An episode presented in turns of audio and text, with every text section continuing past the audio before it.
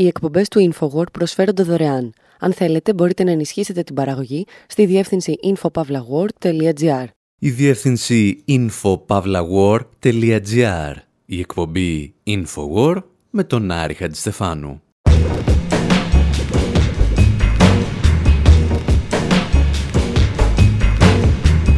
όπου σήμερα συνεχίζουμε μία παράδοση την οποία ξεκινήσαμε μόλις πέρυσι και ελπίζουμε να σταματήσουμε του χρόνου. Ακούμε τραγούδια και λέμε μερικές ιστορίες για τις πέντε χώρες που απολαμβάνουν λίγο υψηλότερα επίπεδα ελευθερίας του τύπου σε σχέση με την Ελλάδα. Σύμφωνα με την ετήσια κατάταξη της οργάνωσης Δημοσιογράφοι Χωρίς Σύνορα, το 2023 αυτές οι χώρες είναι η Ταϊλάνδη, το Κατάρ, η Σενεγάλη, η Παραγουάη και η Μοζαμβίκη. Θέλουμε να σας αποδείξουμε και φέτος ότι μπορεί να ακούσατε την είδηση πως βρισκόμαστε στην 107η θέση της παγκόσμιας κατάταξης για την ελευθερία του τύπου, αλλά δεν καταλάβατε πραγματικά τι ακούσατε. Και ο μόνος τρόπος να το συνειδητοποιήσετε είναι να μάθετε ποιοι είναι σε καλύτερη κατάσταση από εμάς. Και ξεκινάμε από την Ταϊλάνδη, στη θέση 106.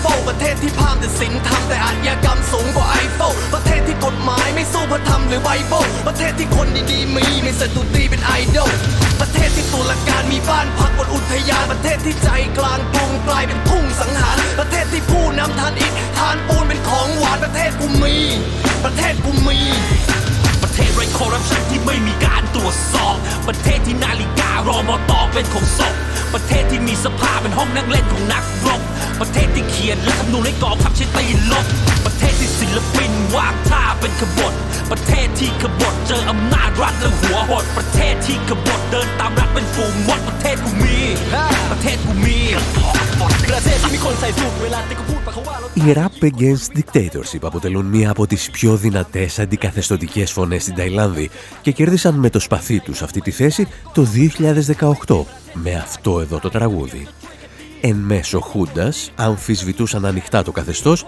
και όλη τη διαφθορά που κουβαλούσε πάνω του. Παρεπιπτόντως, οι Rap Against Dictatorship επανήλθαν δερμύτεροι και το 2020 και αυτή τη φορά τα έβαλαν και με τον πανίσχυρο θεσμό της μοναρχίας. Θεωρητικά, στα χρόνια που μεσολάβησαν από την εμφάνισή τους στη μουσική σκηνή, η Ταϊλάνδη έγινε από δικτατορία δημοκρατία. Αλλά φαίνεται ότι δεν έπεισε και πολλούς ξένους παρατηρητές γι' αυτό. Και για να πάρετε μία γεύση, ο Δημήτρης Σταθόπουλος θα σας διαβάσει ένα απόσπασμα από τη φετινή αναφορά της οργάνωσης Δημοσιογράφη Χωρίς Σύνορα σχετικά με την ελευθερία του τύπου στη χώρα. Οι από καιρό υποσχόμενες εκλογές του 2019 δεν άλλαξαν καθόλου τον ολοκληρωτικό έλεγχο που ασκεί ο Πραγιούτ Τσαν ο Τσάν στα μέσα ενημέρωσης. Πρόκειται για τον στρατηγό, ο οποίος πραγματοποίησε το πραξικόπημα του 2014 και σήμερα κατέχει τις θέσεις του Πρωθυπουργού, του Υπουργού Άμυνας και του Αρχηγού της Αστυνομίας. Κάθε Παρασκευή απόγευμα ο στρατηγός καταλαμβάνει όλες τις συχνότητες για να παρουσιάσει τις θέσεις του. Η κατηγορία της προσβολής του Αρχηγού του κράτους μπορεί να οδηγήσει τους δημοσιογράφους στη φυλακή ακόμα και για 15 χρόνια. Αν και τα μέσα ενημέρωσης είναι θεωρητικά ανεξάρτητα από την κυβέρνηση, ελέγχονται από ελάχιστους ολιγάρχες που συνδέονται άμεσα με τη βασιλική οικογένεια, τις ένοπλες δυνάμεις και τον ίδιο τον στρατικό Πραγιούτ. Το μήνυμα είναι σαφές. Είτε οι δημοσιογράφοι πρέπει να αυτολογοκρίνονται ή κινδυνεύουν να κατηγορηθούν ότι επιβουλεύονται την εθνική ασφάλεια ή την τάξη και έτσι να οδηγηθούν στη φυλακή. Στη θέση 106 λοιπόν, ο πρώην δικτάτορας και νυν πρωθυπουργός είναι ταυτόχρονα και υπουργός άμυνας και αρχηγός της αστυνομίας. Ενώ όλα τα κανάλια παρουσιάζουν τις θέσεις του κάθε Παρασκευή. Αντίθετα, στη θέση 107, δηλαδή στην Ελλάδα, ο Πρωθυπουργός είναι ταυτόχρονα επικεφαλής της ΕΕΠ και του ΑΠΕ και τα κανάλια παρουσιάζουν τις απόψεις τους κάθε μέρα. Έχουμε δηλαδή το σούπερ ατού των Πρωθυπουργών. Τα πράγματα είναι πάντως πολύ πιο ξεκάθαρα στη θέση 105 της κατάταξης της ελευθερίας του τύπου, όπου συναντάμε το Κατάρ. Εκεί τουλάχιστον κανείς δεν προσποιείται ότι ζει σε δημοκρατικό καθεστώς.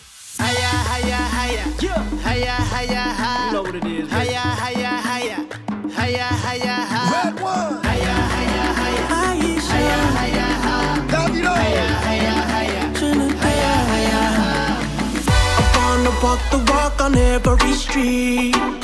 Up ball, through hell to my feet. Hit every discotheque and ask it for me, yeah, yeah. I wanna party, party eight days a week. I promise, I promise, I promise you now. Everything, everything gonna work out. Every tomorrow, no matter what go down. I promise, I promise, I promise you now. Gonna be, gonna be sticking around. Every tomorrow, no matter what go down. Το Χάγια Χάγια ήταν το επίσημο μουσικό θέμα του Παγκόσμιου Κυπέλου Ποδοσφαίρου του 2022. Τότε που όλος ο πλανήτης αγκαλιασμένος γιόρτασε τη χαρά του ποδοσφαίρου και τους χιλιάδες μετανάστες εργάτες που πέθαναν στην κατασκευή των σταδίων. Για να βλέπουμε εμείς μπαλίτσα. We're better together. Και ευτυχώς για την τιμή της ανθρωπότητας, καλλιτέχνες όπως ο Γερμανός JJ έγραψαν τραγούδια με τα οποία καλούσαν σε μποϊκοτάζ της διοργάνωσης.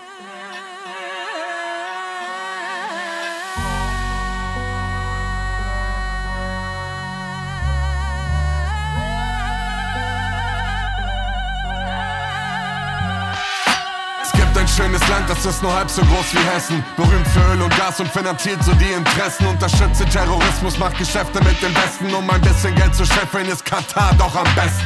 Küsschen oder Händchen halten ist öffentlich verboten. Peitschenhieb und Todesstrafe gibt's für Alkohol und Drogen. Keine freie Meinung, keine Gleichheit vom Gesetz. Keine Gleichberechtigung für Frauen auf Homos wird gehetzt. Auf 300.000 Einwohner kommen 2 Millionen Sklaven. Reisepässe einkassiert, Kafala lässt nicht lange warten. Ja, sie machen die Milliarden und bald lernen wir sie kennen. Der Rasen ist im Blut getränkt, das ist die WM. Willkommen im Land der hängengebliebenen korrupten Monarchie. Die Bonzen, die mit Macht und Geld die Welt beherrschen, Mon ami. Eine Riesenkatastrophe, ein Desaster, FIFA läuft bei dir. Eure miesen Machenschaften müsste jeder boykottieren. Fußball ist für alle da und kennt keine Grenzen. Respekt und Toleranz, gleiches gilt für alle Menschen. Doch Katar ist gegen alles, wofür unser Fußball steht. Die WM kann mir gestohlen bleiben, geh mir aus dem Weg.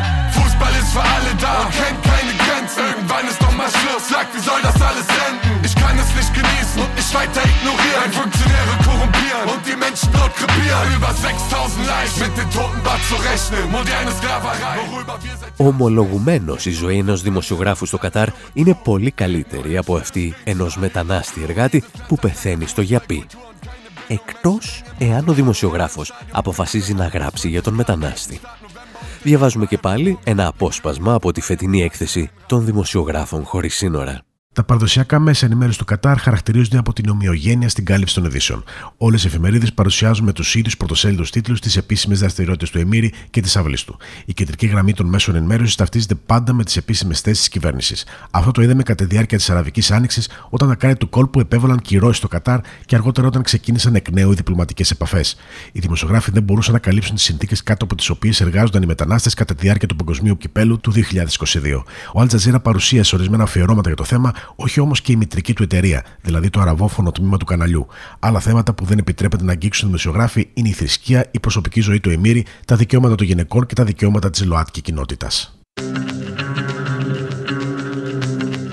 Οι δημοσιογράφοι λοιπόν στο Εμμυράτο του Κατάρ απολαμβάνουν περισσότερη ελευθερία του τύπου σε σχέση με την Ελλάδα, αφού βρίσκονται στη θέση 105 της παγκόσμιας κατάταξης. Και εμείς δύο θέσεις από κάτω τους. Και ετοιμαστείτε για τη θέση 104 τη Σενεγάλη.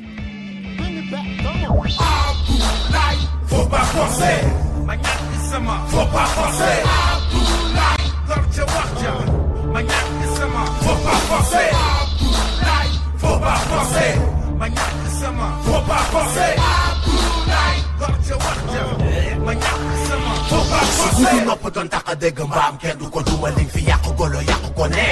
duma golo yore suñu fas mënoo góor suñu kañ nga root ba fàttu yaa say mbokk ménga nañ la bett ba ngeen yow ba géej gi faar géej faar laa ëpp doole tey nga koy jëli li ngay foowe laata xare bi di jolli bu ñu dolli doyal nañu sëkk ci say wulli naxar ci la dëkk Sénégal mérité wulli centimètre duñ la ko may es autobus su yëgoo sax na wuuya peer dóoral génneel armée ak polistek Je mwenye ngini nan konen nga sopi kostek Abdoulay, fò pa fòse Manyak kisama, fò pa fòse Abdoulay, gorje wakja Manyak kisama, fò fòse Abdoulay, fò pa fòse Manyak kisama, fò pa fòse Abdoulay, gorje wakja Manyak before I shot to lay reuni Lis nou se yo Nere du stoppe alo boy si geuni Mis ne kupon nin ko sekhal Fenkat or pere ya o shekhal Zay kache siluler La ho dano no ko sekhal Fowe ni na kolo yi la wër Deg la dil gas sa kan Kilifa diine yi ñaanañ la nga bañ Loo si góobe gaa ko dékku liif ya sañ la ko xañ Dere ko ma njombar Soo askan Waroo ñett nguur ba si rotal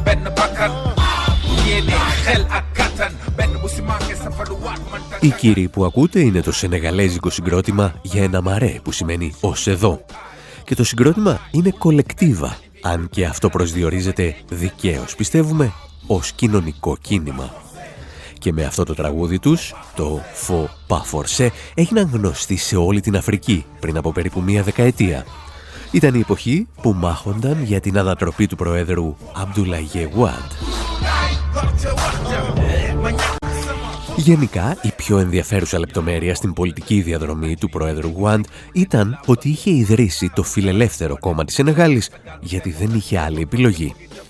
Ο νόμος επέτρεπε τότε να υπάρχουν μόνο τρία κόμματα, τα οποία θα εξέφραζαν τρεις διαφορετικές ιδεολογίες. Και οι ιδεολογίες που ήθελε ο Γουάντ ήταν ήδη πιασμένες. Εάν πάλι δεν σας ενδιαφέρουν οι πολλές λεπτομέρειες για την πολιτική στη Σενεγάλη, αρκεί να θυμάστε ότι αυτή δεν καθορίζεται στην πρωτεύουσα Ντακάρ, αλλά στο Παρίσι. Και για το θέμα που μας αφορά σήμερα, αυτό είναι το απόσπασμα που επιλέξαμε από την έκθεση των δημοσιογράφων χωρίς σύνορα. Παραδοσιακά τα μέσα ενημέρωσης σε Σενεγάλη λειτουργούσαν σε φιλικό περιβάλλον. Τα τελευταία χρόνια όμως αυξάνονται οι λεκτικέ, φυσικές και δικαστικές απειλές εναντίον των δημοσιογράφων. Παρά το γεγονός ότι το νομικό πλαίσιο είναι σε γενικές γραμμές θετικό για τους δημοσιογράφους, ο ποινικός κώδικας που εισήχθη το 2017 τους τιμωρεί ακόμα και με ποινές φυλάκισης. Τα μέσα ενημέρωσης δεν έχουν πρόσβαση ούτε μπορούν να ζητήσουν στοιχεία που έχει στη διάθεσή της μόνο η κυβέρνηση. Το 2022 αυξήθηκαν σημαντικά οι συλλήψεις και τα περιστατικά βίας εναντίον μέσων ενημέρωσης. Για πρώτη φορά από το 2004, ένας ερευνητής δημοσιογράφος έμεινε σχεδόν δύο μήνες στη φυλακή με την κατηγορία ότι παρουσίασε πληροφορίες που απειλούσαν την εθνική ασφάλεια και ψευδείς πληροφορίες που στρέφονταν εναντίον δημοσίων θεσμών. Και στη Σενεγάλη λοιπόν, όπου η κυβέρνηση απαγορεύει σε πολιτικούς της αντιπολίτευσης να κατεβαίνουν στις εκλογές, το επίπεδο της ελευθεροτυπίας είναι αισθητά υψηλότερο σε σχέση με αυτό στην Ελλάδα. Και μιλώντας για περισσότερη ελευθεροτυπία, να περάσουμε στη θέση 103, την Παραγουάη.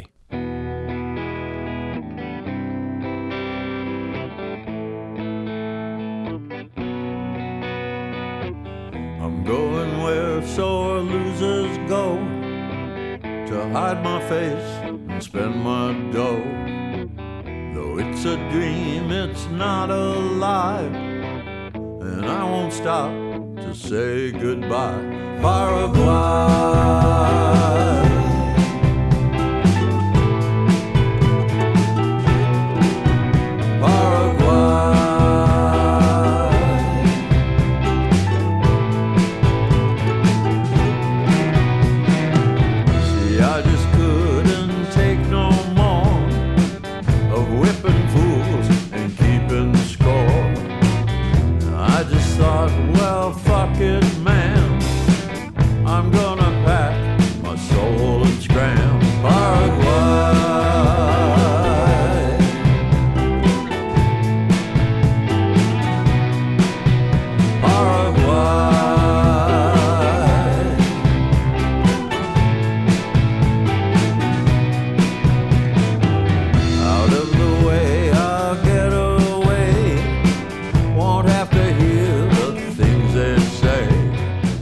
Ομολογούμε ότι σε αυτήν την περίπτωση δεν καταφέραμε να νικήσουμε την επιθυμία μας να παίξουμε το τραγούδι Παραγουάη του Iggy Pop, το περιεχόμενο του οποίου δεν έχει καμία απολύτως σχέση με το θέμα μας, πέραν φυσικά του τίτλου.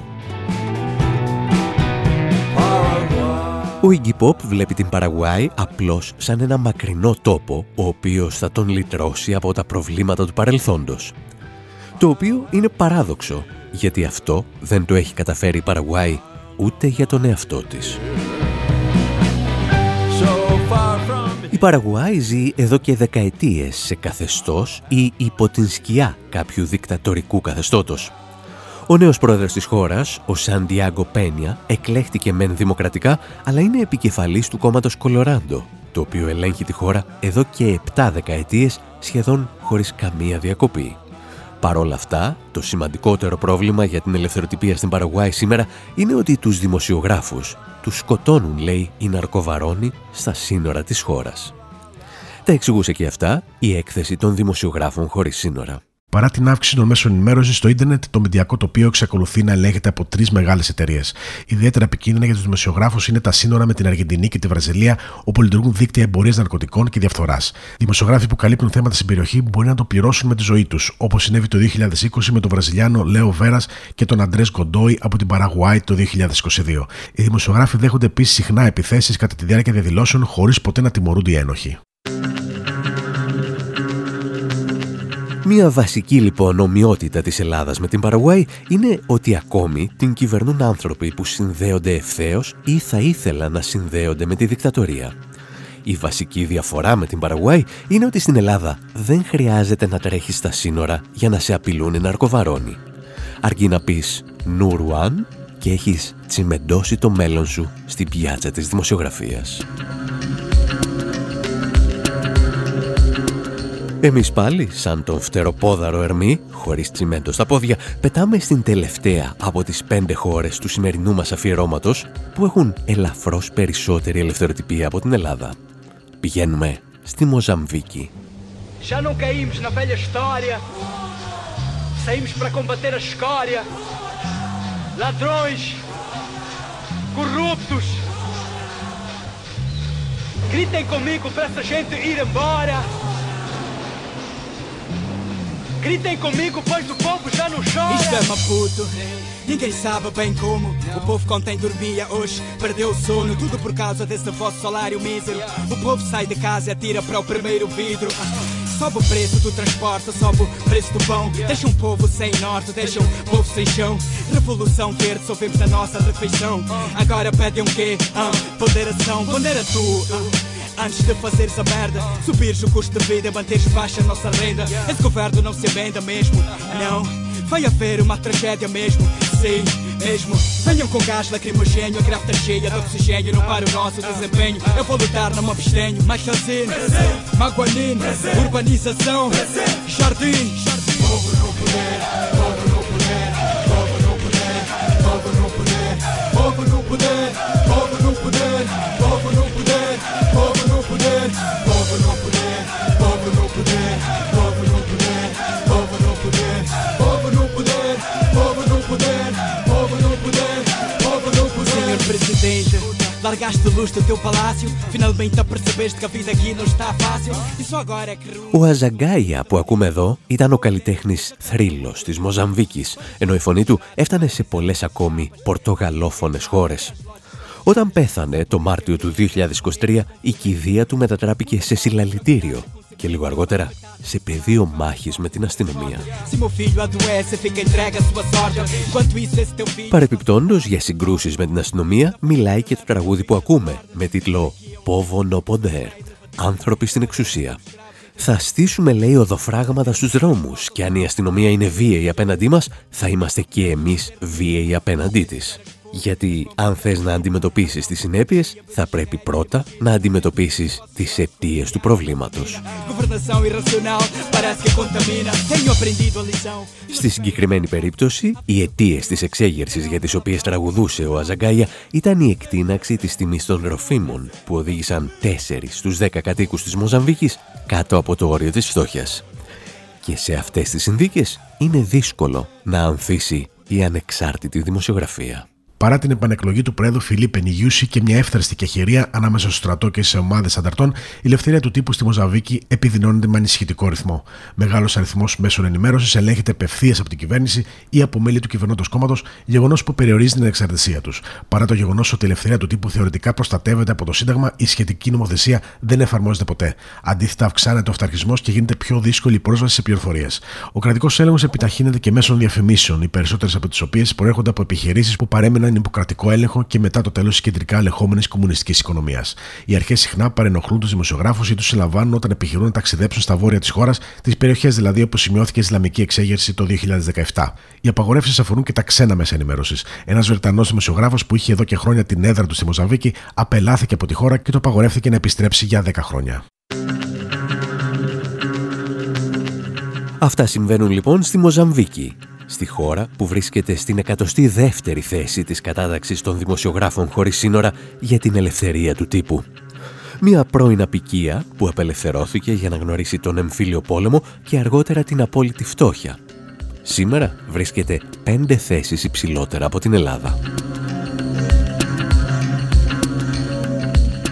Και με αυτές τις σκέψεις πηγαίνουμε σε ένα μικρό διάλειμμα για να επιστρέψουμε σε λίγο με αρκετά διαφορετικές ιστορίες.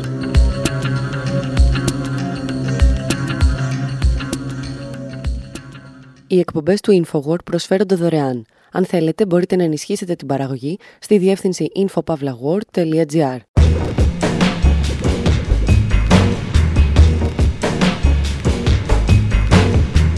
όπου σήμερα παίζουμε νομικές σφαλιάρες με δικηγόρους εταιριών που νομίζουν ότι μπορούν να φημώσουν την ελευθερία του τύπου.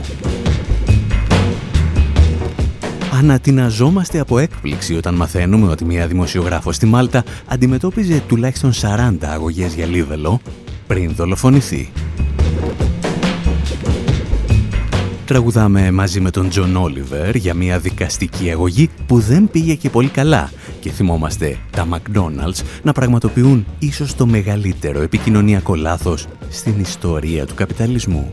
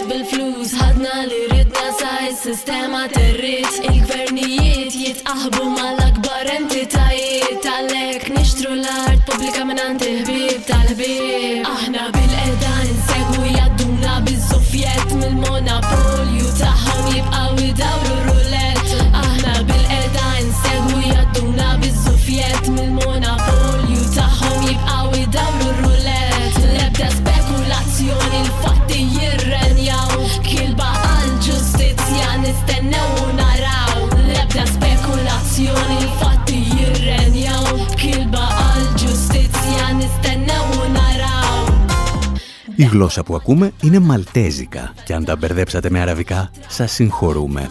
Γιατί η γλώσσα της Μάλτας προέρχεται από τα λεγόμενα σικελοαραβικά, την αραβική διάλεκτο που μιλούσαν στο Εμμυράτο της Σικελίας το 13ο αιώνα. Το τραγούδι υπογράφει η Ρέα Ex Funky Monkey και θα μπορούσε να έχει γραφτεί εν μέρη και για την Ελλάδα αναφέρεται στη διαπλοκή του κράτους με μεγάλους επιχειρηματίες και μιλά ακόμη και για αστυνομικούς που διώχνουν τα θύματα βιασμού από τα αστυνομικά τμήματα για να μην καταθέσουν μηνύσεις εναντίον των βιαστών τους. Κυρίως όμως αναφέρεται στη δημοσιογράφο Δάφνη Καρουάνα Γκαλιζία, η οποία βρήκε τραγικό θάνατο όταν κάποιος παγίδευσε το αυτοκίνητό της με εκρηκτικά στις 16 Οκτωβρίου του 2017. Μόλις έγινε γνωστή η βομβιστική επίθεση, κινητοποιήθηκαν άμεσα τέσσερις ομάδες επαγγελματιών. Οι τραυματιοφορείς που έσπευσαν να συλλέξουν τα ανθρώπινα μέλη που είχαν εκτοξευθεί σε απόσταση 80 μέτρων, οι αστυνομικοί που απέκλεισαν την περιοχή, οι συνάδελφοί της δημοσιογράφοι που μετέδωσαν την είδηση και κάτι δικηγόροι. Για την ακρίβεια, σχεδόν πριν φτάσει το πτώμα της δημοσιογράφου στο νεκροτομείο, το νομικό τμήμα της τράπεζας Pilatus Bank έτρεξε στο γραφείο ενός δικαστή στις Ηνωμένες Πολιτείες. Θυμάστε του είπαν μια αγωγή που είχαμε καταθέσει εναντίον της Δάφνη Καρουάνα Γκαλιζία, ζητώντας τις 40 εκατομμύρια δολάρια επειδή μας κατηγορούσε για ξέπλυμα μαύρου χρήματος. ξεχάστε την. Θέλουμε να την αποσύρουμε. Το γεγονός ότι η τράπεζα είχε προσφύγει σε Αμερικανικό δικαστήριο δεν ήταν φυσικά τυχαίο. Γνώριζε ότι οι δημοσιογράφοι της Μάλτας δεν είχαν λεφτά ούτε να ταξιδέψουν στην Αμερική. Πόσο μάλλον να συμμετέχουν σε μια μακροχρόνια δικαστική περιπέτεια που θα στήχιζε δεκάδες ή εκατοντάδες χιλιάδες ευρώ. Για αυτό το λόγο, οι δικηγόροι της Pilatus Bank τηλεφώνησαν σε όλες τις εφημερίδες της χώρας και τους είπαν είτε αποσύρετε κάθε αναφορά στο όνομά μας ή θα τα πούμε σε κάποιο δικαστήριο στις Ηνωμένες Πολιτείες. Και όλοι οι δημοσιογράφοι έκαναν πίσω, εκτός από τη Δάφνη Καλυζία. Φυσικά, η Pilatus Bank δεν ήταν η μόνη που είχε καταθέσει αγωγή για λίβελο εναντίον της δημοσιογράφου. Μας τα θύμιζε πρόσφατα η Deutsche Welle. In 2017, Maltese journalist Daphne Caruana Galizia was killed. Το 2017 δολοφονήθηκε η Μαλτέζα δημοσιογράφος Δάφνη Καρουάνα Γκαλίτσια. Ερευνούσε περιστατικά κυβερνητικής διαφθοράς. Σύμφωνα με τους ρεπόρτερ χωρίς σύνορα, το καιρό του θανάτου της ήταν το αντικείμενο 40 αγωγών SLAP.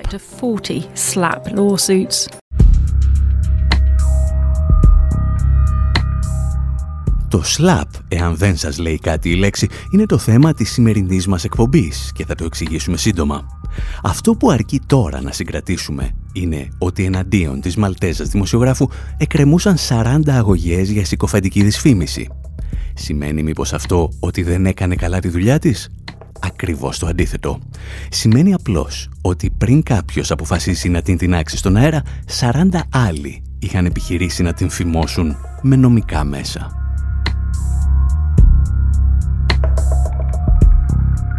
Προφανώς δεν συγκρίνουμε σε καμία περίπτωση τα μέσα που χρησιμοποιήθηκαν. Οφείλουμε όμως να σημειώσουμε πως όλοι οι αντίπαλοι της δημοσιογράφου είχαν ένα κοινό στόχο. Να σταματήσουν τα δημοσιεύματα που τους ενοχλούσαν. Προφανώς οι βομβιστές τα κατάφεραν καλύτερα. Αλλά εμείς σήμερα θα ασχοληθούμε με τους δικηγόρους.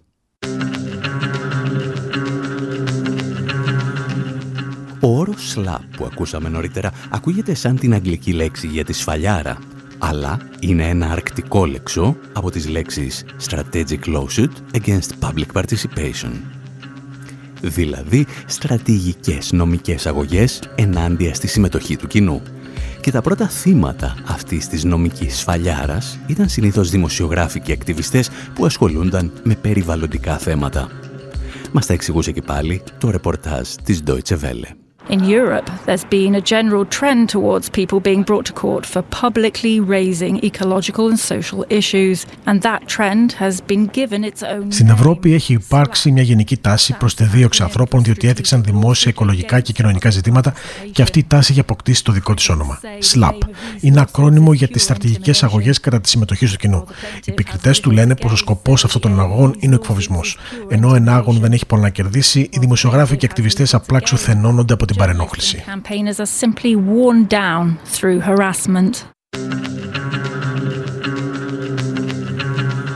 Το μυστικό για να καταλάβουμε τη σημασία του ΣΛΑΠ είναι ότι ο ενάγων δεν ενδιαφέρεται να κερδίσει τη δίκη. Θέλει απλώς να τρομοκρατήσει τον εναγόμενο για να σταματήσει να μιλάει. Για την ακρίβεια, όπως θα δούμε στη συνέχεια, ο ενάγων προτιμά να μην φτάσει καν στην αίθουσα του δικαστηρίου. Ο όρος SLAP δημιουργήθηκε τη δεκαετία του 80 όταν Αμερικανοί καθηγητές νομικής διαπίστωσαν ότι είχαν πολλαπλασιαστεί οι αγωγές για λίβελο. Η πραγματική ιστορία μας όμως πηγαίνει πολύ πιο πίσω, στην Αγγλία του 17ου αιώνα.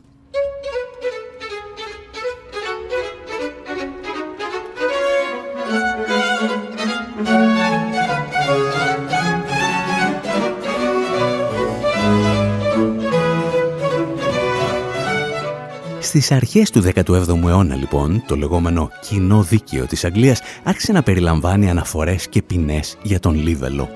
Οι συγκεκριμένοι κανόνες όμως είχαν μια μικρή παραξενιά.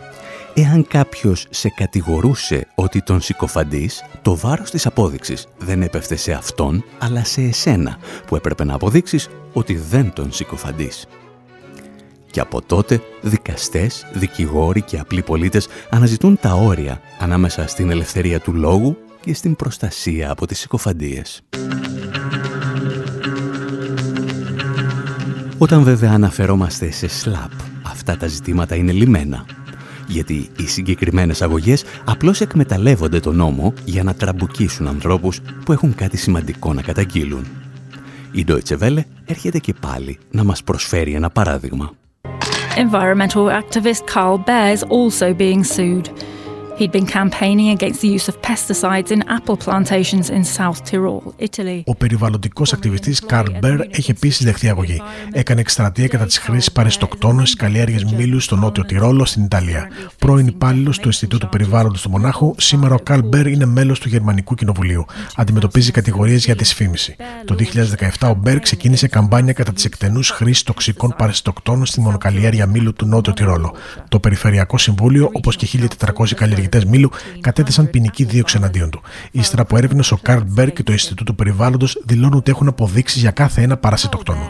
Η αγωγή όμως τους έχει κοστίσει τεράστιο ποσό χρόνου και χρημάτων. Πέρα από το κόστος ταξιδιών και μεταφράσεων, ο Μπέρ ζει με την ψυχολογική πίεση που αισθάνονται και πολλοί άλλοι που αντιμετωπίζουν παρόμοιες διώξεις εκφοβισμού. Ο ίδιος μάλιστα υποστηρίζει ότι υπάρχουν πολλοί που βρίσκονται σε χειρότερη μοίρα από αυτόν.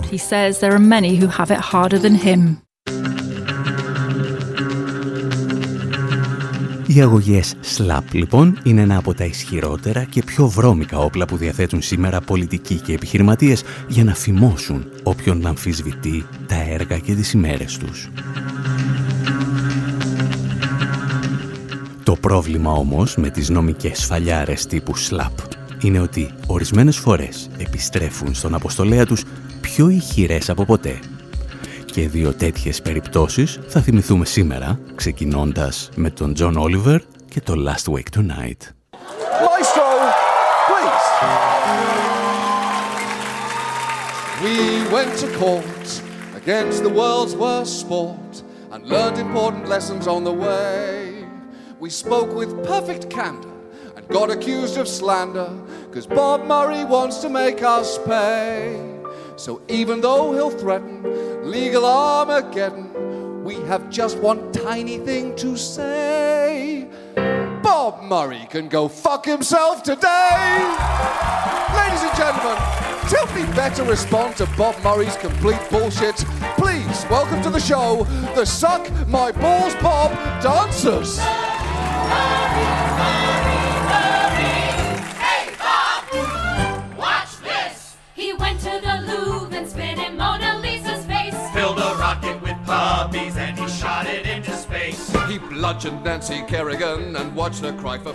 Το τραγουδάκι που ακούμε προέρχεται από ένα μουσικοχορευτικό υπερθέαμα που έστησε στους δρόμους της Νέας Υόρκης ο κομικός Τζον Όλιβερ όταν έμαθε ότι δεν απειλείται πλέον από τον βασιλιά των ορυχείων άνθρακα Μπομπ Μάρεϊ ο οποίος Μάρεϊ είχε καταθέσει εναντίον του αγωγή για συκοφαντική δυσφήμιση. Και ο τίτλος του μουσικοχορευτικού αφιερώματος που ακούμε ήταν «Φάε σκατά, Μπομπ». Murray listed what he found objectionable in our piece, including that we described him as someone who looks like a geriatric Dr. Evil. Ο Μπομπ Μάρι απαρίθμησε ό,τι θεωρούσε ανάρμοστο στο θέμα που κάναμε γι' αυτόν. Μεταξύ άλλων, τον είχαμε χαρακτηρίσει σαν γεριατρικό Dr. Evil. Αλήθεια λέει. Το είπαμε γιατί το πιστεύουμε. Επίσης, μας κατηγορεί ότι ένας υπάλληλός μας είχε ντυθεί σκύουρο και κρατούσε ένα χαρτί με το σύνθημα Φάε κατά Μπομπ. Εντάξει, πάσο, το κάναμε. Fair enough, we did it. Ο Τζον Όλιβερ δεν είναι απλώς ένας stand-up comedian, αλλά κατά την ταπεινή μας άποψη είναι μία από τις σημαντικότερες πηγές ενημέρωσης στις Ηνωμένες Πολιτείες.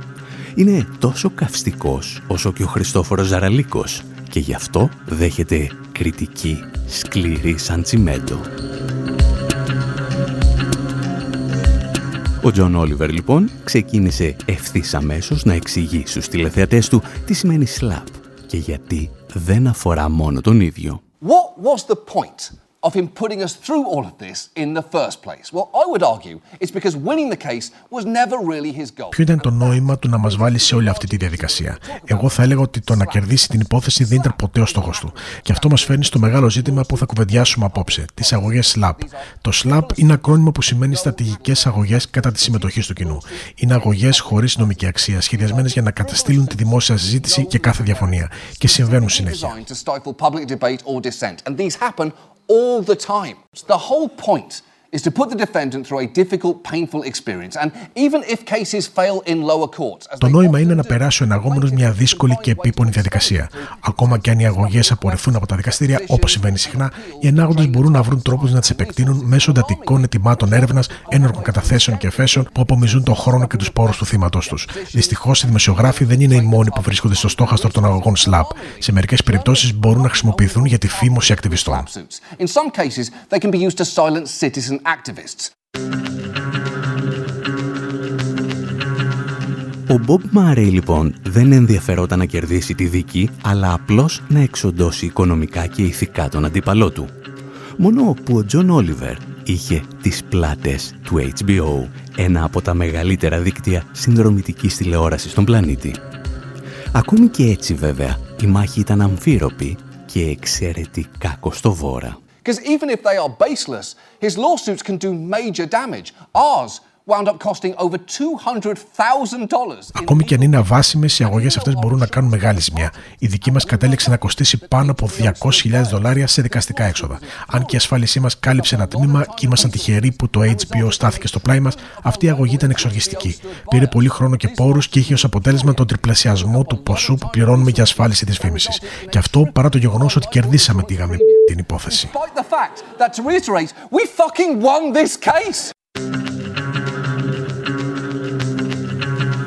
Προφανώς, ο Τζον Όλιβερ αποτελεί την εξαίρεση σε αυτή την υπόθεση γιατί είχε τις πλάτες που του επέτρεψαν να συνεχίσει μέχρι το τέλος.